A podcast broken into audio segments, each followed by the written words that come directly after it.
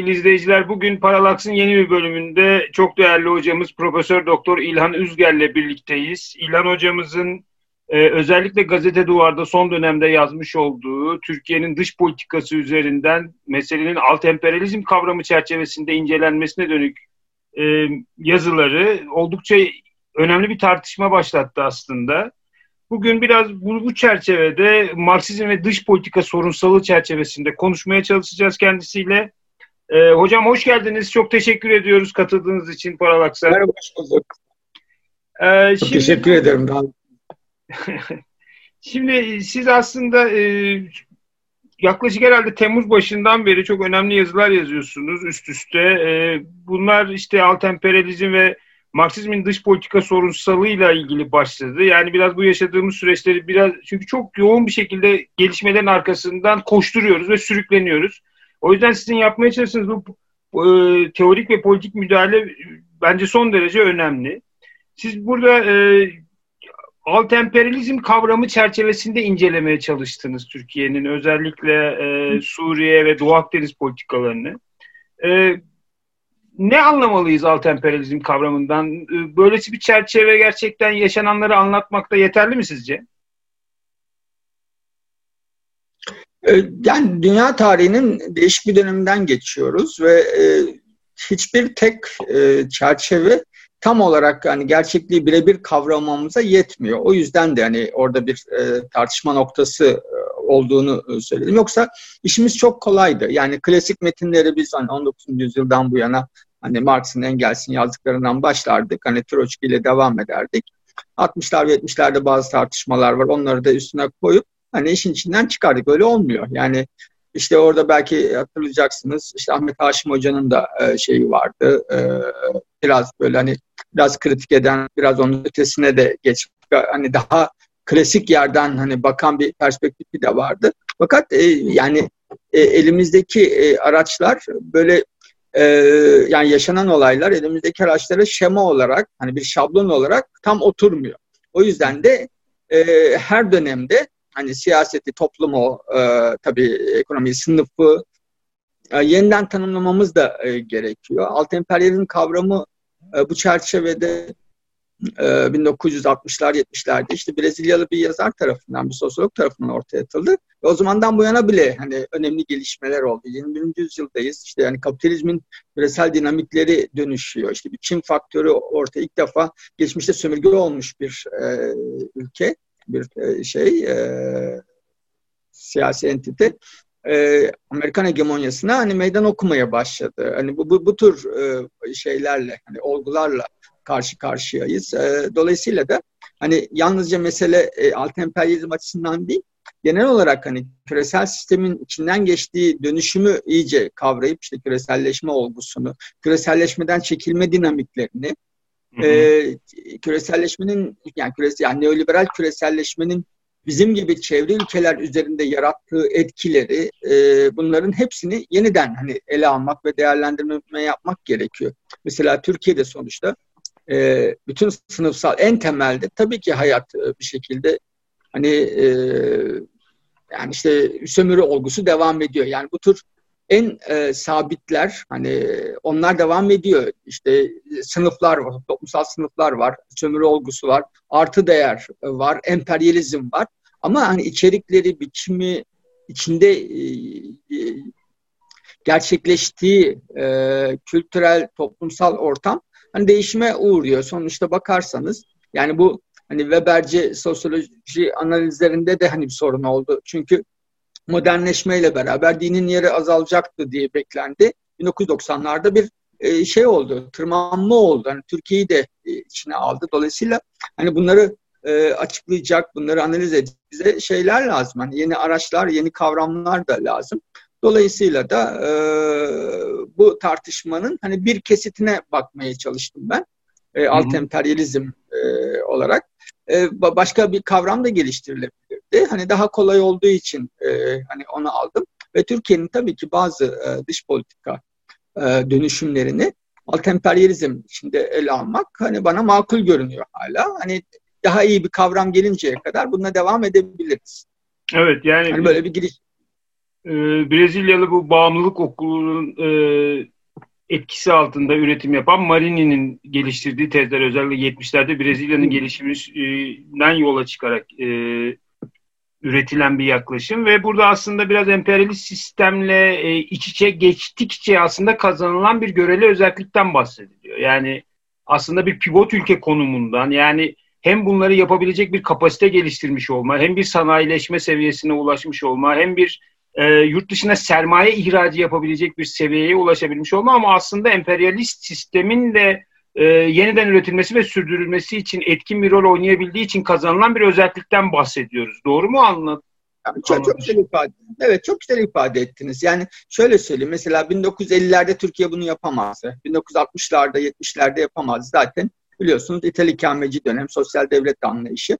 Ya burada kapitalistleşmenin belli bir seviyeye gelmesi gerekiyor ki Türkiye'den de hani Türkiye'nin çevresindeki, kendi çevresindeki ülkelere zaten bir e, küçük çaplı bir, kendi çapında bir sermaye ihracı süreci yaşanabilsin. Sonuçta bu kapitalizmin e, doğasına aykırı bir şey değil. E, yani o, orada Lenin'le ilgili bir şey söylemiştim falan. Hani Ahmet Hoca çok katılmadı ona. E, e, kapitalizm yayılmak için hani en üst aşamayı beklemiyor demiştim. Yani her aşamada e, yayılma eğilimi gösterir. Yani bu en lokal mahalleden şehre, şehirden ulusala, ulusaldan bölgeye o yayılma eğilimi vardır. Hani bizde de öyle işte Türkiye'nin çevresindeki ülkelere gittiğinizde bunu hemen hemen gözünüze çarpmaya başlıyor. Mesela işte turistik gezilere giden bir aa burada bu varmış. İşte Londra'nın merkezinde e, şeyde e, Piccadilly meydanında işte Simit Sarayı'nı da görebiliyorsunuz falan. Kendi çapında küçük ama bir 30 yıl önce görmediğimiz e, dönüşümler bunlar. Ya da işte yani Koç grubunun Mısır'da hani şey açması e, diyelim hani fabrika açması. İşte Ülker grubunun Godiva'yı satın alabilmesi ve bunun başka örnekleri de var. E, bu, bu, bu, bu kapitalistleşmeyle birlikte ve hani bu şeyi bırakmıyor. E, nasıl söyleyeyim? E, bu sermaye sınıf çelişkilerini falan bu ortadan kaldıran bir şey değil tabii ki. Hani tabii. sonuçta küresel sistemin yani kapitalizmin gelişmesinin çevreye yansımaları bunlar. Hani Marx'ın öngördüğü bir şey aslında bakarsanız. Bu o kadar da hani bazı açılardan çok orijinal değil. E, hatta 1848 Komünist Manifesto'da da vardır bu. Hani girdiği yerde şeyi e, yıkar hani feodal yapıları yıkar ve duvarları yıkar der ve hani biraz küreselleşmenin de bize ön şeyini verir. Dolayısıyla da biz bunu yaşıyoruz. Ha bu şu anlama gelmedi hiçbir zaman. Yani Türkiye Batı'yla girdiği bağımlılık ilişkisinden çıkamadı. Ama benim orada hani savunduğum şeylerden bir tanesi hani bununla birlikte e, sistemin içinde bu kadar sıkı yer alınca tersinden okuyorum meseleyi. Yani genelde literatür bize hem Marksist hem de yani daha ana akım hani literatür e, yani dış politikada özelleşebilmek için e, bir kopuşu öngörürler. Yani ben benim buradaki e, iddiam tam tersinden e, kopuş şey için e, özelleşebilmek için sistemin daha fazla içinde olmak da e, işe yarayabilir. Çünkü o zaman küresel sistemin o kadar entegre bir parçası oluyorsunuz ki yani gidecek bir yeriniz olmadığını hani düşündürüyor ve bu, bu, bu burada biraz marjı daha genişliyor. Mesela Amerika'nın Fransa ile ilişkisi böyledir. Yani Fransa hiçbir zaman sistemin dışına çıkmaz. Hatta bunu şey diye de alıyorlar. Yani bir Fransız kaprisi olarak alır ve or, orada bırakır. Hani o kadar da üstüne gitmiyor. Bu bunu ya yazdılar da hatta. E, bu tür böyle küçük e, manevralar, marjlar vardır hep. Türkiye bu marjı zaman zaman AKP iktidarı döneminde zaman zaman e, zorlayarak e, genişletiyor. E, bazı alanlar bulmaya çalışıyor kendisinde ve genelde a, ana eksenlerde sorun yaratmadan yapmaya çalışıyor. Yani Türkiye'nin aslında bütün dış politika e, tarihinin hikayesi e, Türkiye'deki hakim kesimlerin çıkarlarıyla hegemonik gücün çıkarlarını örtüştürebilmek üzerine kuruludur. Aslında bunu e, daha net söyleyebilirim bu şekilde. Örtüştüğü yerlerde ilerler, onu şeye hesabına yazarlar. Ee, işte Türkiye'nin gücü, Türkiye'nin işte yaptığı, kendi başına yaptığı otonom eylemleri hesabına yazarlar. İlerleyemediği yerlerde de e, işte şey hakim konumdaki işte Amerikan gücünün e, Türkiye'yi engellemesi olarak hani okurlar falan. Dolayısıyla da e, günümüze dair bir e, şeydir bu. Hani bir çerçeve arayışıdır benimkisi. Hatta onu ben daha sonra o tabii insanların daha az ilgisini çekti ama Mısır üzerinden de okumaya çalıştım. Yani Türkiye e, Türkiye'den de daha geri. E, ben tam onu soracaktım. Bir... Mısır yazısını soracaktım. çalıştım. Ee, Mısır yazısını soracaktım tam çünkü o da bence çok enteresan. Çünkü orada aslında Mısır'ın daha zayıf bir pilot, pivot ülke konumunda olmasına rağmen birçok sosyoekonomik ölçek açısından son dönemde Türkiye'ye göre çok daha özerk olması üzerinden bir e, sorunsallıktan bahsediyorsunuz ve bence o çok ilgi çekici ve bana da şunu düşündürdü açıkçası o. Yani Mısır'ın aslında bu düşük kapasitesine göre daha e, özerk politikalarından sonuç alabilmesi ve emperyalizmle Türkiye'nin yaşadığı ölçüde sorunlar yaşamaması acaba Mısır'ın daha öngörülebilir bir kurumsal yapı, bir ordu yani daha sistematik yani Mısır tarihsel yapısı açısından bir süreklilik teşkil eden bir, bir e, içerik içerisinden yürüyor olması Türkiye'nin daha e, belirsiz, daha öngörülemez bir e, görüntü vermesinden mi kaynaklanıyor? Çünkü şunu da görüyoruz. Evet Türkiye yani alt-emperyalizm e, açıkçası ben şunu söyleyeyim. Ben bir Marksist olarak zaten böyle yeni kavramlara çok ihtiyaç duyduğumuzu düşünüyorum. Dolayısıyla yani böyle bir çok geleneksel konumlardan e, çok geleneksel yaklaşımların güncel gelişmeleri anlamamızın önünde engel oluşturduğunu düşünüyorum. Dolayısıyla alt-emperyalizm kavramı çok değerli bir kavram olduğunu düşünerek soruyorum. Ama yani e, Türkiye aynı zamanda alt emperyalist politikaları uygulamaya çalışırken büyük tıkanmalar da yaşıyor. Yani büyük sorunsallar yaşıyor. En son işte Doğu Akdeniz'de geri adım atması ki bence Aynen. bir politik aslında skandal yani Yunanistan ölçeğinde bir ülke tarafından aslında bunu sürtülmüş gibi bir duruma düştü. Ama bu çok fazla tabii konuşulmuyor. Aynen öyle. Yani bu aslında bu alt emperyalist politikaların sürdürülebilme, sürdürülememesi gibi bir durumla da karşı karşıyayız. O zaman Türkiye bunları aslında e, küresel sistemin ihtiyaçlarıyla tam olarak örtüştüremediği için mi başarısız oluyor? Şimdi Doğu Akdeniz şöyle söyleyeyim yani birkaç e, şey var, e, eksen var. Yani biri Libya, biri Doğu Akdeniz, Suriye ve Irak. Şimdi tek tek de gidebilirim isterseniz. Yani Türkiye ile ilgili problem şu. E, Mısır e, dengesini daha iyi koruyor. Yani şeyi biliyor. E, sınırını daha iyi bilen bir ülke ve liderlik var orada. Tabii kurumsal çok bağımlı bir de. Yani şöyle söyleyeyim. Mısır bizden daha bağımlı. E, şey Amerikan e, emperyalizmine e, hem kurumsal olarak hem iktisadi olarak askeri destek olarak ve e, ana eksenlerde istediği her şeyi veriyor Amerika'ya. Ve bu da ona bir hareket alanı sağlıyor başka alanlarda. Dolayısıyla şimdi Türkiye ile ilgili mesele bir dediğiniz gibi haklısınız ya bir öngörülebilirlik sorunu var. İki gücünü fazla abartıyor zaman zaman. E, bu dedim mi bu özelliğin e, e, sınırlarını biraz zorluyor, test ediyor. Nasıl içeride otoriterleşmeyi e, aşama aşama kurup hani test ederek gidiyorsa dışarıda da hani ben, ben nerede ne kadar e, hareket edebilirim, ne kadar marjım var onu yani Doğu Akdeniz'de bunu test etti ve Doğu Akdeniz'de e, buradaki sınırının çok dar olduğunu gördü. Libya öyle değil. E, Libya daha e, Suriye'de daha geniş çünkü e, hem Amerika ile bence yani Türkiye'deki algının tersine bu PYD meselesi e, algıyı çok e, kararttı, bulanıklaştırdı. Yani bunu en başından bu konuda yazdım da Türkiye yani Amerika'nın en yakın müttefiği e, Suriye'de Türkiye'dir. Yani Türkiye ile birlikte hareket etti. En başından bu yana ana hatlarıyla Türkiye ile birlikte hareket ettiler. Bütün o İslamcıların sokulması vesairesi o Türkiye sayesinde olmuştu onlar. Ee, bir tek PYD konusunda anlaşamadılar. Onun da AKP ile bir ilgisi yok. Irak konusunda da yani bu Kürt meselesinde e, Türkiye'nin 1990'ların başından bu yana Amerika ile kurduğu bir pazarlık süreci vardı ve o işletildi. O da e, Türkiye'deki Kürt meselesinin bastırılması karşılığında e, Irak Irak'ın rahat bırakılması. Yani bu, bu, bu pazarlık devam ediyor. Amerika Türkiye'nin içindeki yani Kürt e, siyasetinin baskılanmasına genelde ses çıkarmıyor. Ve, ve öyle oldu. Yani mesela Demirtaş'ın hapiste olmasına, e, işte milletvekillerinin, belediye başkanının hapiste olmasına Amerika'nın e, sert bir tepkisi hiç olmadı. Bunu gündeme bile getirmiyor, umursamıyor çok fazla. Yeter ki hani Kuzey Irak'a, hani Barzani'ye dokunmasın. Orası Amerika için kritik. Bütün şeyi gözden çıkardı. Ve son dönemde de PYD kısmı e, önemli. Dolayısıyla buralarda, yani mesela Libya'da da Türkiye'nin yapabileceği bir iş vardı ve onu o yaptırıldı aslında. Bu zaman içinde daha net belli olacak ve onu yazacağım o zaman. Yani e, yani tırnak içinde kullanıldı aslına bakarsın. Onu da içeriye bir hani mavi vatan doktriniyle sattılar. İçerideki milliyetçi işte İslamcı ittifakında çok hani hoşuna giden bir e, şey yaratıldı. Sinerji yaratıldı orada. E, şeyde de sınırını belli bir sınıra gelince de Türkiye'ye dur dendi.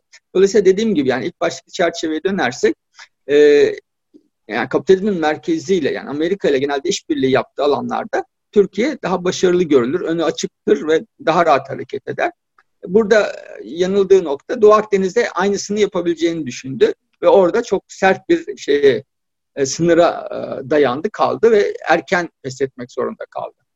Evet. Yani e, bu aslında kavramsallaştırmanın önemli bir boyutu da alt emperyalizmin yapısalcı bir biçimde. Yani bir e, küresel sistem içinde bir pozisyon olduğunu dolayısıyla mesela ülke içerisindeki bir iktidar değişiminin Türkiye'nin e, küresel sistem içerisindeki pozisyonunu değiştireceğine dair bir beklentinin de çok gerçekçi olmadığını aslında söylüyorsunuz ki, ki aslında e, içeriden söylüyorum. Tabii ee, evet bizim içeriden bakışımız biraz daha böyle hani bunun işte yeni Osmanlıcılık AKP'nin küresel ölçekte böylesi politikalar hem içeride de bir hegemonya üretimi açısından ihtiyaç duyduğu yönünde ama siz bunu daha böyle yapısalcı bir perspektifle e, ele alıyorsunuz. E, yani yani, yani bunu biraz açabilir misiniz? Var. Tabii e, şöyle yani bunun e, ya İslamcı Türkiye'de aslına bakarsanız e, geçen gün e, televizyonda Ahmet Davutoğlu'na yakın bir isim var Gürkan Zengin diye. Yani onun kitabını da yazdı hoca diye falan. Aslında o da aynı şeyi söyledi. E, ben bunu savunuyorum. Yani e, yeni Osmanlıcı tezler aslına bakarsanız yani dış boyutu e, İslamcı ve Müslüman kardeşler takıntısını ayıklasa, ayıklayabilseydi AKP aslında Türkiye'nin e, dış politika güvenlik yani devletin geleneksel o çekirdek e, mekanizmasının e, güvenlik anlayışına aykırı bir durum yoktu ortada. Yani bu bölgede Türkiye hakim güç olmalı. Eski Osmanlı toprağı zaten başka gideceğin yer yok. Yani eski Osmanlı toprağı dışında bir şey yok. Hani sonuçta Viyana'ya tekrar gidemezsen Viyana'dan öteye. E, gideceği yer belli yani işte Balkanlar, Kuzey Afrika ve biraz Orta Doğu. E, Kafkasya bile hepsi e, tamamen içinde değil. Aşağı yukarı örtüşüyor. E, yani bu seküler e, ulusalcı kanadın e, dış politika anlayışı Türkiye'yi bölgesel bir güç olarak görme ve bu güç projeksiyonunu yansıtma bir nüfuz alanı elde etme. Türkiye sermayesi, burjuvazisi de buna itiraz etmiyor. Çünkü ekonomik olanaklar yaratıyor. Bu Afrika'nın içine doğru da sarkabilir ki bunun arayışları da var. O yüzden Fransa ile biraz çekişiyor. Dolayısıyla bu daha hani Türkiye'nin devlet mekanizmasına ilişkin bir projeydi. Buradaki temel sorun AKP'nin hani bunun içinde e, bir dönem bunu yeni Osmanlıcılık üzerinden hani kuruyor olması e, sonra da hani bir Müslüman kardeşler takıntısına indirgemesiydi. Anlaşamadıkları nokta orası oldu. Yoksa onun dışında e, Türkiye'nin uluslararası sistemdeki konumunda AKP gitse hani başka bir işte ittifak CHP'nin de içinde olduğu bir hani ittifak e, şeyi gelse, bloğu gelse e, sonuçta bunun e, içeriğinde çok büyük bir değişiklik yapabilecek durumda değil. Çünkü sınıfsal olarak kurulmuş bir mekanizma bu diyorum. Hani bunun içinden küçük özellikler, özellik alanlar yaratmaya çalışıyor. Hani bir Müslüman kardeşler takıntısı olmaz ama başka bir yerden kurmaya çalışacak o da ve bu bu e, bunu ben işte biraz hem mavi vatan hem de uzaktan savunma diye hani tanımlamaya çalıştım. Bu Türkiye'nin hani hakikaten mesela 1990'da yayınlanmış bir hani tam şey dönemi işte Türkiye'de e, işte ordunun siyasette çok e, etkin olduğu bir dönemde falan. Aşağı yukarı Davutoğlu'nun e, stratejik derinlikteki tezlerine çok benzer şeyler söylüyor. Yani oralarda hatta Davutoğlu işte şeyde ders verirdi. Harp Akademisi'nde ders verirdi. İstanbul'da falan ve evet. rahatsız değillerdi. Yani içinde birkaç unsuru ayıklasanız yani o uzlaşabilecekleri çok sağlam bir zemin var. Bir o, o orada bir örtüşme var. İkincisi yani küresel sistemde Türkiye'nin bir yeri var bu kurgu içinde. Ve o, o yeri de Türkiye gayet güzel o fonksiyonu yerine getiriyor aslına bakarsanız. Ve bu, bu AKP ile e, sınırlı AKP dönemiyle sınırlı bir mesele de değil. E, dediğim gibi yeni bir ittifak gelse, CHP, İYİ Parti falan gelse, yanına işte DEVA'yı bilmem neyi koysalar. Hani bu hikaye e, biraz biçim ve şekil değiştirerek e, sonuçta devam eder. Türkiye NATO'da kalmaya devam edecek. İncirlik üssü, Kirecik üssü açık olacak. NATO tatbikatlarına katılacak. Daha az sorun çıkaran bir e, partner olarak görülecek falan. E, yatırımlar devam edecek. Türkiye hani e, ekonomik eşitsizliklere bir şey olmayacak. Dolayısıyla hikayede bir bir yani şey değişimiyle yani siyasi partiyi iktidar birini getir diğerini çıkar ki AKP'nin de muhtemelen artık e, Türkiye'de kapitalizmi, neoliberalizmi taşıma kapasitesinde bir erozyon var. Hani yıpranmaya başladı. Hani bir, bir şey mümkündür ki bir sonraki seçimde işte İmamoğlu vesaire e, yanına da Meral Akşener'i korlar falan. Hani yani bir milliyetçilere de biraz şey işte seçim şeyinde propaganda sürecinde biraz hani Kürtlere de bir ayağıyla hani iyi mesajlar, sıcak mesajlar gönderip iktidara geldiğinde bu hikayede hani radikal bir değişim olmasını muhtemelen siz de beklemiyorsunuzdur. Aklı başında kimse hani buradan bir e, büyük bir e, eşitlikçi sosyalist bir modelde çıkmaz. Çıkmadığı sürece de yani sınıfsal ve iktisadi olarak da bu bağımlılık ilişkisi e, sona ermez. Evet yani bir aslında e, altemperyalizm kavramında Marini antagonistik bir işbirliğinden bahsediyor. Yani merkezle çevre ülke arasında yani merkez e, emperyalist ülke ile alt emperyalist ülke arasında. Tabii AKP'nin bu son döneminde özellikle sizin de bahsettiğiniz gibi yani mesela Davutoğlu'nun stratejik derinliğinde zaten şey vurgusu çok barizdi. Yani e, ana emperyal merkez güce sırtını yaslanmak yani bir ayağını onunla aynı yere basarak e, Orta Doğu'da Osmanlı'nın eski interlandında bir iş yapmak ama Erdoğan'ın özellikle 2013 e, sonrasında bu küresel mali para akışlarının da kesildiği, içeride özellikle gezi sonrasında orta sınıflar üzerindeki ikna kapasitesini kaybetmesi sonrasında ve hem de bu Müslüman kardeşlerin Orta Doğu'da yarattığı türbülans sonrasında biraz buraya çok gereğinden fazla agresif yani kendi gücünü de abartarak ve gereğinden fazla agresif gidişinin arkasında ben aslında şöyle bir şey olduğunu düşünüyorum. Yani bir rejim değişimi çerçevesi de var. Yani sonuçta Türkiye'de yani işte bugün Trump e, Biden tartışmasında da işte yeni bir seçim olacak ama nasıl olacak meselesi Amerika'da bile tartışılıyor. Yani burada da aslında böyle benzer bir durum var. Burada bir kurucu önderlik, kurucu liderlik kendisini atfedebilmek için de acaba gereğinden fazla agresif bir dış politikaya bağlılık gösteriyor mu? Çünkü sürekli savaş arayan bir ülke konumundayız. Yani şimdi işte Doğu Akdeniz'den yüz çevrildi. Şimdi bu sefer Azerbaycan Ermenistan gündemiyle yatıp kalkıyoruz. Yani ülke sürekli bir dışarıda askeri güç üzerinden pazularını göstererek bir pozisyon almaya çalışıyor ve burada biraz iktidarın kendi özel ihtiyaçları da bir rol oynuyor olamaz mı? Yani bu açıdan da öznel faktör de burada acaba belirleyici olamaz mı diye ben düşünüyorum. E, doğru. E, hatta yani koordineli de gidiyorlar bana sorarsanız. İhtiyacı çok var hem de. E, yani kamuoyunu çok sıcak tutmak ve bu ısıyı yani milliyetçi harareti kaybetmemek zorunda. İşte bunun işte en dün vardı işte bu Tele1'de MAK Araştırma Kurumu'nun çalışması, kamuoyu yoklaması. İşte yüzde iki buçukluk bir fark ettirdi dedi. Çok fazla değil. Yani Hani bu bu sıcaklıkta ne kadar hemen gündemi değiştirmiş oluyor vesaire. Fakat tabii kritik e, şey.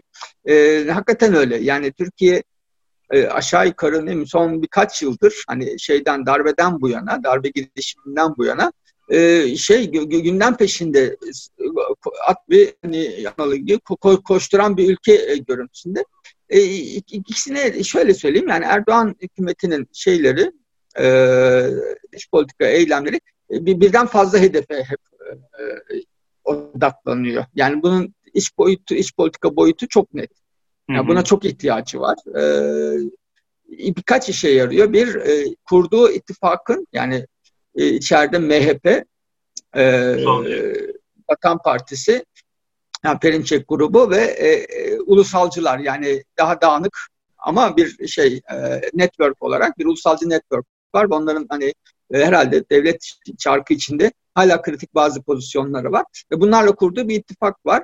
Hani bu ittifakın güçlü kalmasına yarıyor bir. İkincisi yani seçmeni milliyetçi, e, İslamcı, muhafazakar seçmeni bir arada tutmaya yarıyor. E, gündemi çok hani iktisadi sorunlardan, e, işsizlikten vesaireden o alabildiğince e, taşıyor. E, bir başka işlevi e, karşısındaki muhalif bloğu bölüyor. İşte ne bileyim e, Azerbaycan şeyi olduğunda e, işte HDP'yi dışarıda bırakmak. Yani milliyetçiliği güçlendirdiği, Türk milliyetçiliğini e, öne aldığı sürece HDP'yi dışarıda bırakmak zorunda kalıyor muhalif blok. Dolayısıyla da hem muhalefeti zorluyor hem kendi hesabına hani pozitif noktaları yazıyor. Bunun böyle bir boyutu var tabii ve bu, bu kısmı biraz tolere ediliyor. Doğu Akdeniz haricinde Şimdiye kadar bu işe yaradı. Ama şöyle dün, dün akşam da söyledim. Bu kamuoyu ve dış politika ilişkisi açısından bakıldığında literatüre aykırı bir durum var. Yani dış politikadaki başarısızlıklar eksi hesabına yazmıyor. Başarılı bir gibi görünenler artı hesabına yazıyor Erdoğan'ı. Bu çok rastlanan bir şey değil. Yani seçmen şeyi seçici yani mesela başarısızlığı şey yapmadı. Hani etkisi olmadı. Ama mesela işte mikrofon tutulduğunda AKP seçmenine işte dünya çapında lider gibi görüyor ve algılıyor. Yani işte büyük şeyle dünyadaki büyük bilinen liderlerle dişe diş hani göze göz mücadele eden, o olmasa hani bölgesel bir lider, sözü dinlenen, e, emperyalizm direnen bir lider görüntüsü var. Maalesef muhalefet de bu görüntüyü kıramadı bir türlü. E, o yüzden de e, yani AKP'nin de bir aslına bakarsanız başarısı hani bu hem emperyalizmin e, hizmetinde hem de kendini anti-emperyalist gösterme e, becerisini AKP gayet güzel e, yerine getirebildi. O hiç, onun için de çok değerli biliyor musunuz? Hani emperyalizm açısından. E, çünkü kontrol ettiğiniz kitle büyüdükçe emperyalizm gözünde değeriniz artıyor. E, yani şimdi bu bu iktisadi programı başka bir hükümetin, başka bir siyasi aktörün uygulayabilmesine bana sorarsanız imkan yoktu.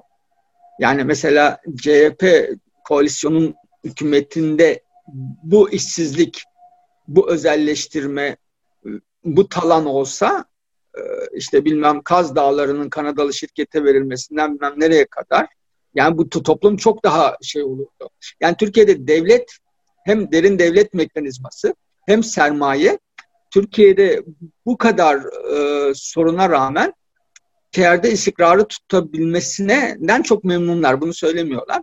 E, küresel sermaye Batı'da e, hala e, Türkiye ile Erdoğan iş yapılabilir bir lider olarak görülüyor ve iktisadi çıkarlarını yani borç ödemeyi garanti eden bir lider.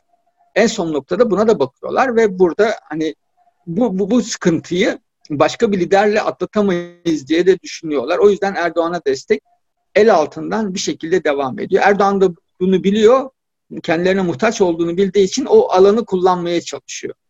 Evet yani bunu zaten bu Ahim Başkanı'nın çok kritik bir dönemde Türkiye'ye yaptığı ziyaretle de aslında kısmen gördük. Yani biraz şeyi andırdı yani e, yatıştırma politikasını, Chamberlain'in yatıştırma politikasını anımsatan bir şey aynen. gibiydi yani. Gerçekten. Aynen. Evet, evet evet gayet güzel ifade ettiniz. Aynen öyle oldu. Şu hocam şu tekrar klasik emperyalizm teorisine dönersek aslında Marksist e, Buharin Lenin çizgisindeki emperyalizm teorisinde bir sermaye ihracı meselesi çok fazla ön planda ve dışarıya sermaye ihracı üzerinden bir emperyalizm açıklaması var ama aslında sermaye ihracı da sizin de bahsettiğiniz gibi yani kapitalizmin neredeyse bütün dönemlerine yayılan bir şey ama özellikle küresel merkezler arasındaki mücadelelerin çok ön plana çıktığı devletlerin, devlet kapitalizmi diyebileceğimiz politikaların, merkantilist politikaların çok ön plana çıktığı şeyler daha dönemsel yaşanıyor. Şimdi aslında sizin de bir yazınızda İkinci Dünya Savaşı sonrasındaki gelişmeleri aslında Lenin emperyalizm teorisi çok da izah etmiyor e, diyen bir tespitiniz var. Yani bununla alakalı bir şey miydi sizin o eleştiriniz? Çünkü o tek cümle olarak kalmış, ilerlememiş. Onunla biraz açma şansınız var mı acaba?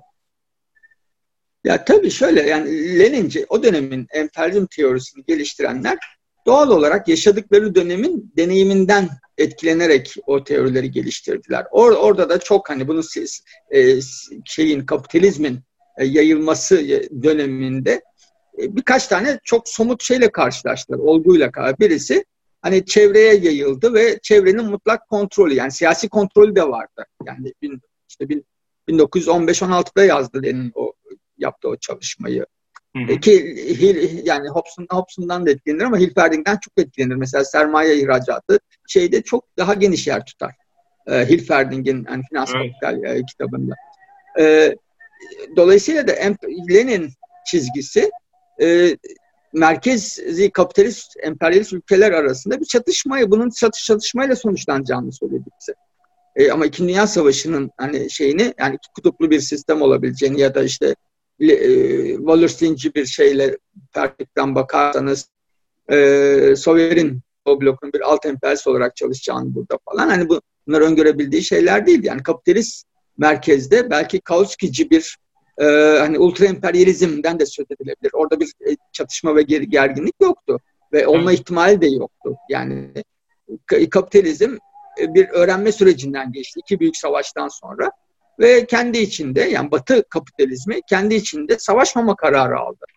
Ve bunun için e, yalnızca formal NATO gibi, işte Avrupa Birliği gibi, e, işte Avrupa Güvenlik İşbirliği Teşkilatı, Avrupa Konseyi, e, yani bunların şey karşılıkları da var mesela işte Latin Amerika'da Rio Paktı falan gibi. E, çatışmama, savaşmama kararı aldı bunun yanında en formal şeyler, mekanizmalar da kurdu. İşte Bilderberg gibi çok komplocu anlamlar atfedilir ama değildir. Yani e, üçlü komisyon gibi çünkü sonuçta hani kapitalizm yalnızca küresel kapitalizmin işleyiş mekanizmalarını kurmaya çalıştılar. En formal bağları da kurmaya çalıştılar. Küresel kapitalizmin hani şey elit elitlerini bir araya getirip e, uzlaştırma ve uyumlaştırma, senkronize etme çabaları içinde de oldular. Dolayısıyla burayı burayı doğrudan hani merkezi ülkeler arasındaki e, ilişkileri e, Leninci emperyalizmi açıklamak çok zor oldu. E, çünkü o çatışmayı öngören bir e, teoriydi. Evet, e, bu bundan sonrası mesela Çin için kullanabiliriz belki. Hani ama mesela Almanya, Fransa, e, ne bileyim Fransa, Avusturya, Belçika ilişkilerini hani Leninci bir e, emperyalizm teorisiyle açıklamak çok zorlaştı diyorum. İkinci Dünya Savaşı'ndan sonraki e, dönemde. Aslında 1870'ten önce de yani dünyada bir küresel ölçekte bir İngiliz, mutlak bir İngiliz hegemonyasının olduğu dönemde emperyalist ilişkiler o kadar ön plana çıkmıyor. Ben burada biraz bu Karatani'nin işte dünya tarihinin yapısında bir geliştirdiği bir yaklaşım var. Orada bir küresel hegemonya döngülerinden bahsediyor ve küresel hegemonyacı gücün güç kaybetmesiyle birlikte hem devlet kapitalizmi hem merkantilizm hem de emperyalist çatışmacı politikaların ağırlık kazandığını ön plana geçtiğini e, küresel e, hegemonyanın olduğu dönemde ise hegemonik devletin ekonomi politikasının ekonomik liberalizm olduğunu söylüyor. O yüzden bu içine girdiğimiz süreç acaba e, e, Amerikan hegemonyasının çözülmesinin de bir şeyi midir? Yani siz e, bu konuda ne düşünüyorsunuz? Amerika'nın e, küresel ölçekte bütün çatışmaları hakim olabilecek, yönetebilecek kapasitesi hala var mı? Yani kurumsal yani en azından askeri kapasite ve ekonomik kapasite olarak bunun var olduğu gözüküyor ama e, bir yandan da işte Çin'in yaratmış olduğu tehdit de aslında Çin'den kaynaklanan bir tehdit var mı meselesinin de tartışmalı bir konu. Ama e, yeniden böyle e, klasik anlamda emperyalizmin tartışma gündemine girdiği, post küreselleşme çağından bahsedildiği bir momentteyiz ve Covid de yani Covid pandemisi de biraz bunu aslında sanki hızlandıracak gibi gözüküyor. Bu konuda öngörüleriniz nedir? Tabii mesela e, Lenin'in öngörmediği şeylerden biri de e, Amerikan e, hegemonyasının bu kadar güçlü olarak dünya sisteminin üzerine oturmasıdır. Mesela Lenin yaşadığı dönemde evet İngiltere hegemoniktir ama mesela yani sterlin bütün dünyada kullanılmaz falan. Hani e, İngiltere ile ondan sonraki gelen ülkeler arasında güç e, farkıyla Amerika ve ondan sonra gelen ülkeler arasında güç farkı arasında büyük bir şey vardır, eşitsizlik vardır.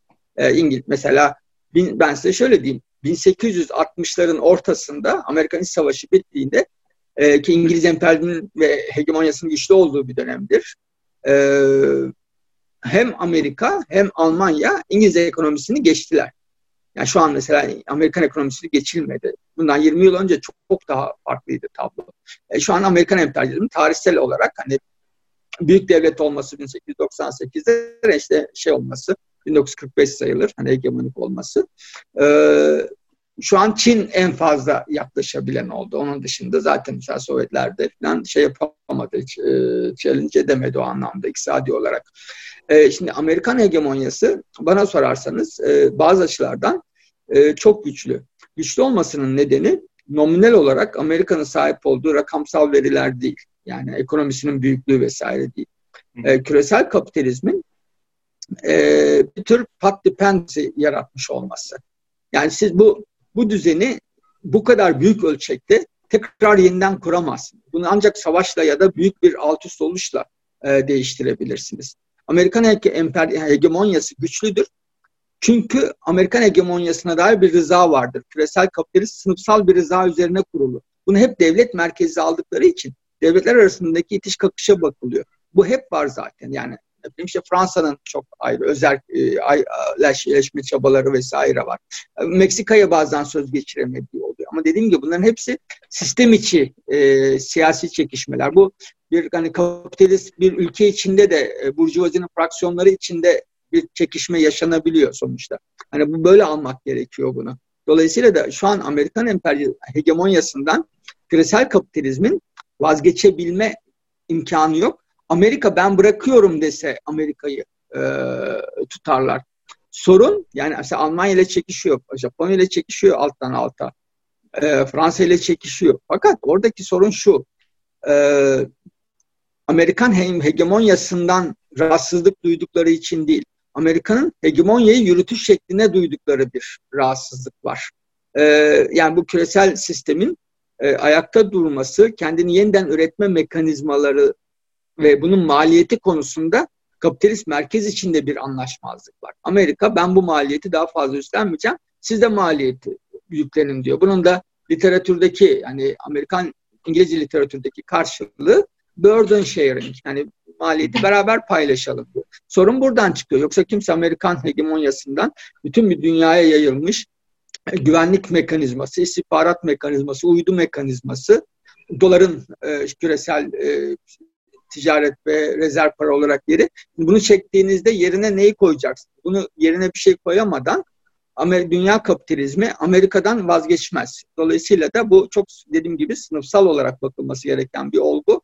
Buna hep devlet merkezli baktı bakıldığı için sanki dünyada büyük bir şey oluyormuş. Yani kaos varmış ve Amerikan hegemonyasına büyük bir...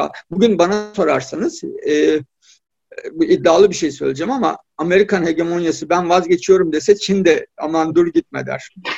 Çünkü Çin de bu rolü yerine getirmeye hazır değil henüz.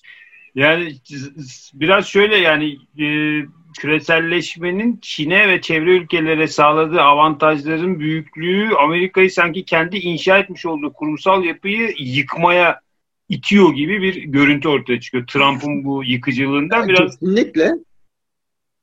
Bu söyleniyor. Yani şöyle söyleyeyim Amerika'daki şu an hakim görüş bu bir partizandır. Yani tek bir partinin Trump'ın fikri değildir. Yani Biden da bu konuda farklı olamaz. Ee, küreselleşmenin, neoliberal küreselleşmenin Çin'in daha fazla fayda sağladığı. Amerika'nın beklentilerine uymadığı için. Hani bunu yazdım tekrar etmeyeyim. Yani onlar e, yani aslında Marksizme aykırı bir şey oldu. Marksist bir mantıktan hareket ettiler.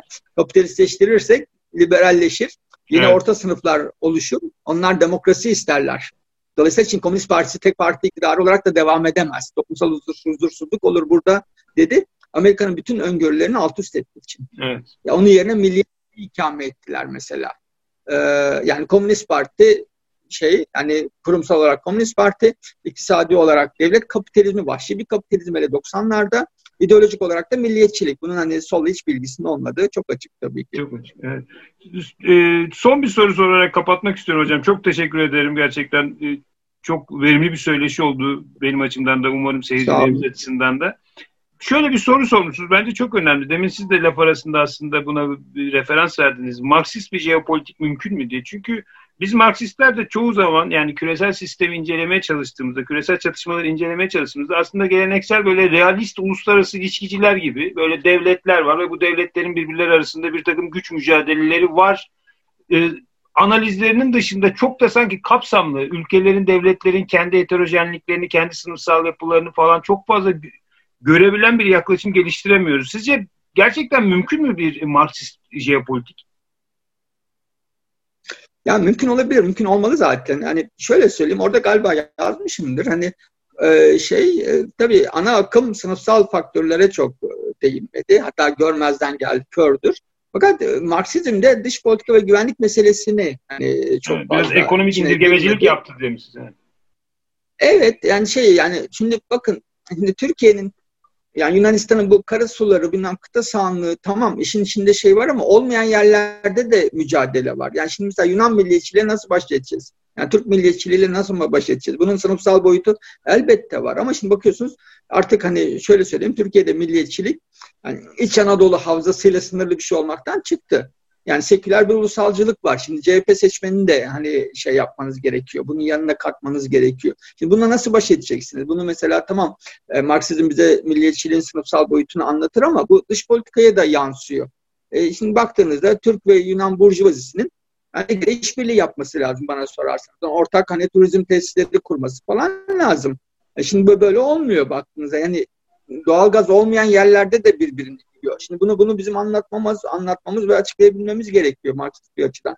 Yani Marksizm burasını mesela milliyetçilik boyutunu, e, dış politika güvenlik e, boyutunu biraz dışarıda e, bırakıyor. O yüzden de Marksist jeopolitiğe çok ihtiyaç olduğunu e, düşünüyorum. Hem makro düzeyde e, küresel siyaset açısından hem de Türkiye gibi işte Azerbaycan, Ermenistan gibi mikro düzeyde e, yani bu milliyetçilik kısmını biraz daha Çünkü bunun merkezinde milliyetçilik yatıyor. Yani devlet fikri yatıyor. Mesela Türkiye'nin Türkiye devletinin hani Kürt meselesine yaklaşımı. Şimdi bunu Marksizmle e, açıklayabileceğiniz yerler var, açıklayamayacağınız yerler var. Yani bu kadar hani Kürt meselesi konusunda bu kadar takıntılı olmayı e, mesela hani Marksizmle nasıl açıklayacağız? E, tamam sınıfsal boyutu var. Yani Kürt siyaseti hani az gelişmiş topraklarda doğal kaynakların sömürüldüğünü söylüyorlar falan. Ama mesele onunla da bitmiyor. Yani başka bir boyut da var burada. Yani Türk devletinin Kürt meselesine bakışı var. Ve bu değişmiyor neredeyse 70-80 yıldır. E, aynı e, çizgide devam etti. Dolayısıyla yani buralara bizim bizim yani Marksizmin söyleyebileceği daha fazla şey olması lazım. Marksist düşünürler daha çok yani e, sınıfsal meselelere e, yoğunlaştılar. İşte yapısalcı Marksizm çıkı vesaire. Yani bu jeopolitik kısmını hani ana akımdan gelenler de çok e, yoğunlaşmadı. Onlar realist çerçevede kaldılar. Çin'den gelenler de, Marksizm'den gelenler de iki arada bir dere aldı maalesef. E, bu boyut. E, burası burada, burayı biraz daha işlenmesi gereken çok potansiyel var, marj var diye düşünüyorum. Evet. Yani özellikle Kürt meselesinde söylediğiniz bu tam Türkiye Cumhuriyeti'nin kuruluşundaki o critical juncture'da e, o bürokrasinin tarihsel deneyiminin bir tür sanki genetik kodlara işlenmiş hali gibi. Yani onun sürekli yeniden üretimi. Bırakmadı. tarihsel kurumsalcılıkla, daha doğrusu işte Webercilikle, Marksizmin böyle çeşitli ekollerin böyle eklektik bir şekilde birlikte konuşabildiği e, strateji şey e, teorik eklemlenmeler herhalde önümüzü açacak diye düşünüyorum. Valla benim doktora tezim bunun üzerineydi. Yani ben hani ulusal çıkarı işte ta 90'ların sonunda 90'ların başında yazdım ve el yordamıyla yazdım. Bizim bizim siyasalda da hocalar ben şöyle tanımlıyorum. Hani e, solcu hocalar da vardı. E, sağcı realistler ve solcu realistler vardı. E, hepsi realistti. E, ve biri so, so, so, so, soldan realizm yapıyorlardı. E, ben onu aşmaya çalıştım. Yani Türkiye dediğiniz şeyin içine açayım dedim ve mesela Kıbrıs sorununu inceledim. E, Mesela Özal e, şey TÜSİAD Kıbrıs'tan kurtulmak için müthiş bir çaba harcıyorlar. Yani Özal Başbakan ve Kıbrıs'ı daha 70'lerden 70'lerin ortalarından itibaren yani sermayenin adamı olduğu için ve kafası oradan yana çalıştığı için yani kurumsal olarak daha tam şey olmadan bile DPT'deyken bile şey rapor yazıyor. Bu Türkiye'nin sırtında yüktür diyor. Yani bu 100 bin kişi var burada 70 milyonluk ülke diyor o zaman. Yani niye bunu taşıyoruz diyor. Çok pratik bir akıl aslına bakarsanız ve şeye gelir gelmez de e, Başbakan evet. biliyorsunuz KKTC'nin uzatıyor muyum bilmiyorum ama Estağfurullah hocam ne demek? Yani KKTC'nin ilan tarihini biliyor musunuz? 15 Kasım 83'tür. Yani Özal seçimleri kazanır ama güven oyu alamaz. O arada işte dem, şey e, Denktaş, Er, Evren ve şeyin e, Türkiye'nin Kıbrıs Büyükelçisi İnal Batu geliştirirler KKTC. Yani Özal'ın şeyine kitlerler Kıbrıs meselesini. Aman bu kazaya uğramasın diye. TÜSİAD falan çok uğraşır şey için. Ee, Kıbrıs sorunundan kurtulmak için. Ya bunu böyle bir ayak bağı olarak görüyorlar Batı ile ilişkiler. Biz bundan niye uğraşalım? Hakikaten de Türk diplomasisi 74'ten sonra hani kaçmaktan kovalamaya fırsat bulamıyor. Sürekli işgalci görünüyor. Birleşmiş Milletler Güvenlik Konseyi kararları var vesaire. Ama Özal ıı, beceremedi. Hatta bir sürü şey var orada hani altında hani derin devletin de dahil olduğu süreçler var falan. Mesela bunu şimdi ben Marksizmle bunu nasıl açıklayacağım? Çok düşündüm mesela. Dedim ki bu devletin görevli özelliği kavramını kullanmış. Plan sasçı bir şeyle açıklamaya çalıştım. Yani de şeyi yani Plansas'ın o iç siyaset için kullandığı şeyi dedim ki dış politikada burada devlet yani o sınıflardan, toplumsal sınıflardan, burjuvaziden e, farklı bir çizgide onun çıkarına aykırı hareket ediyor. TÜSİAD şey yapamadı. Bunu ikna edemedi. Türkiye'de güvenlik bürokrasisini. E, o yüzden de buralarda şey lazım diye düşünüyorum. Hani biraz evet. Marksizmin de buraya e, biraz daha eğilmesi gerekir diye düşünüyorum. Bize ya da işte bizden sonraki şeylere. Ondan sonra da kimse ilgilenmedi bunu. Onu da söyleyeyim yani. yani bizim şeyde e, liberal ve realisttir bizim hani Türkiye Uluslararası İlişkiler Akademisi. Evet. Yani o işte tikellikleri daha fazla kapsayabilen, onlardan daha fazla öğrenebilen bir Marksizme ihtiyacımız var. Yani yaşadığımız her sorunda böyle. Yani ben bu yaşadığımız yani sosyalistlerin evet. kilitlenmesinin aslında e, bizi biraz böyle o şablonların içerisinde sıkışmamızın bu tikelliklerle genel arasındaki ilişkiyi kurmakta zorlanmamızdan kaynaklandığını düşünüyorum. Yani ekonomik kriz yaşanıyor. Sosyalistler buna karşı çok güncel net bir şey söyleyemiyor. Güncel politik gelişmelerde de çoğu zaman benzer ezberleri tekrar ediyoruz. O zaman da karşımızdakilerle toplumla sağlıklı ilişki ve iletişim kuramamış oluyoruz aslında. Böyle bir zafiyete yol açıyor. Aynen. Aynen. Ee, Profesör e, Doktor İlan Uzgel çok çok teşekkür ediyorum katılımınız için. Teşekkür Şeref ederim. verdiniz, onur verdiniz. Ee, harika bir sohbet oldu bizim açımızdan. Benim için de öyle çok keyifli oldu. Çok teorik oldu. Ee, çok isteyerek çok böyle oldu bence yani yani çok çok da iyi oldu. İhtiyacımız var diye düşünüyorum. Çünkü güncelin biraz üzerine çıkmamız gerekiyor bazı dönemlerde, bazı anlarda en azından. Çok sağ olun. Çok teşekkür ederiz hocam.